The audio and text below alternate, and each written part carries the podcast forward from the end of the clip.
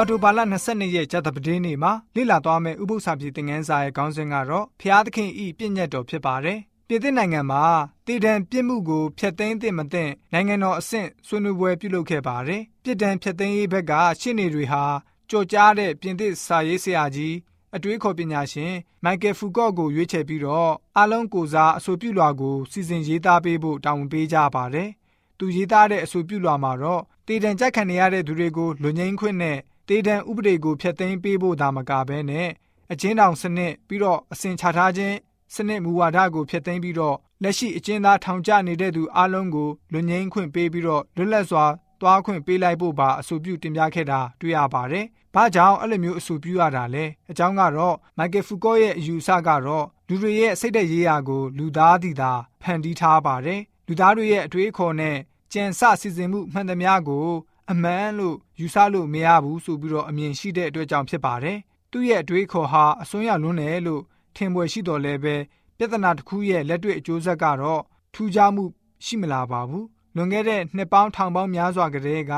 မောရှိဟာဣသေလလူမျိုးတွေနဲ့အတူပြဿနာတွေကိုမြင်တွေ့ရင်ဆိုင်ခဲ့ရပါတယ်။ကျွန်တော်တို့ဟာကိုညံကိုလိုက်ပြီးတော့မပြူရပါဘူး။ကျွန်တော်တို့ဟာဖြောက်မတ်တဲ့သူတွေမဟုတ်ပါဘူး။တန်ရှင်းတဲ့သူတွေမဟုတ်ပါဘူး။အမှားနဲ့အမှန်ကိုမခွဲခြားတတ်ပါဘူး။ ဒါကြောင့်ကျွန်တော်တို့ဘာလုပ်ရမယ်ဆိုတာကိုသိဖို့လိုပါတယ်။အဖြေကတော့ကျွန်တော်တို့ကိုဖန်ဆင်းထားတဲ့ပြီးတော့အသိစိတ်ကိုပေးတဲ့ဖျားရှင်ရှိတော်မူပါတယ်။ကျွန်တော်တို့ရဲ့မျက်စိမှာအမှန်ကိုမသိရှိမရယူနိုင်တော်လဲပဲဖျားရှင်ကတော့အစဉ်အမြဲအမှန်တရားလမ်းကိုပို့ဆောင်ပေးတော်မူပါတယ်။တရားဟောကျမ်းခန်းကြီး6ငွေ9ရှမာကုခရစ်ဝင်ခန်းကြီး7နဲ့အငယ်29ကနေ31ဗျာဒိကျမ်းခန်းကြီး14အငယ်7ကိုဖတ်ပါမယ်။ ကျမ်းချက်တွေကကျွန်တော်တို့ရဲ့စရိတ္တမန်တိုင်းကိုဘယ်လိုမျိုးတိဆောက်ဖို့ကိုပြောထားလဲဆိုတာကိုကြည့်ကြပါစို့။သင်ဤဖျားသခင်ထာဝရဖျားကိုစိတ်နှလုံးအကျွင်းမဲ့အစွမ်းတတ္တိရှိသည်များနှင့်ချစ်လော့။ယေရှုကပြည့်ညတ်တကာတို့တွင်အမျက်ဆုံးသောပြည့်ညတ်ဟုမူကားအိုဣတိလအမျိုးနားထောင်လော့။ငါတို့ဤဖျားသခင်ထာဝရဖျားသည်တဆူတီးသောထာဝရဖျားဖြစ်တော်မူ၏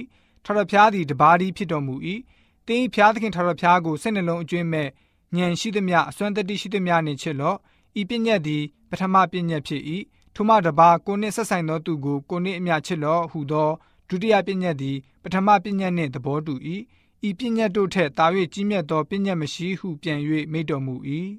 ဖျားသခင်ဤပညတ်တို့ကို၎င်းယေရှု၏ယုံကြည်ခြင်းကို၎င်းစောင့်ရှောက်သောတန်ရှင်းသူတို့သည်ဤအရာ၌တိခံစရာအကြောင်းရှိ၏ဆိုပြီးတော့ဖော်ပြထားတာတွေ့ရပါတယ်ကျွန်တော်တို့ဟာဆိုလို့ရှိရင်ခရိယန်ရှုထောင့်နဲ့လောကအမြင်ကိုမြင်တတ်ဖို့လိုပါတယ် ခရစ်ယာန်ရှုထောင့်နဲ့ရွေးနှုတ်ခြင်းစီမံကိန်းကိုဗဟုပြုထားမယ်ဆိုရင်တော့ဖျားသခင်ရဲ့ပြည့်ညတ်တော်ကိုတန်ဖိုးထားလာမှာဖြစ်ပါတယ်။ပြည့်ညတ်တော်၁၀ပါးဟာဗဟုဖြစ်လာပါမယ်။တနည်းအားဖြင့်အပြစ်တွင်းကနေကျွန်တော်တို့ကိုရွေးနှုတ်ကဲတင်တာမဟုတ်တော့ပါဘူး။ပြည့်ညတ်တော်ကိုချိုးဖောက်တဲ့အတွက်ကြောင့်ကြာဆုံးရတဲ့အပြစ်ကနေကဲတင်ရွေးနှုတ်တာဖြစ်ပါတယ်။အင်္ဂလိပ်တရားဟာပြည့်ညတ်တော်ကနေခွဲထွက်တာမဟုတ်ပါဘူး။ပြည့်ညတ်တော်ဟာကျွန်တော်တို့နဲ့အတူရှိနေစေဆိုတာကိုကျွန်တော်တို့နားလည်ကြပြီးသားဖြစ်ပါတယ်။ ပြည့်ညတ်တော်ဟာကျွန်တော်တို့ကိုကယ်တင်နိုင်တဲ့တကူးတာမရှိတာဖြစ်ပါတယ်ဒီတို့ကြောင့်ကျွန်တော်တို့ဟာဆိုလို့ရှိရင်ဧဝံဂေလိတရားကိုလိုအပ်နေတာပဲဖြစ်ပါတယ်ဒါကြောင့်တတမနေ့အသင်းတော်ရဲ့ပညာရေးစနစ်ဟာနေဆဒူဝအမြဲတည်တဲ့ပြည့်ညတ်တရားလို့ခေါ်တွင်ထားပါတယ်။ပြည့်ညတ်တရားမှာတတမနေ့ဥပုံနေ့ဟာပါဝင်နေစေဖြစ်ပါတယ်။ကျွန်တော်တို့လိုက်လျှောက်တဲ့ပညာရေးစနစ်မှာ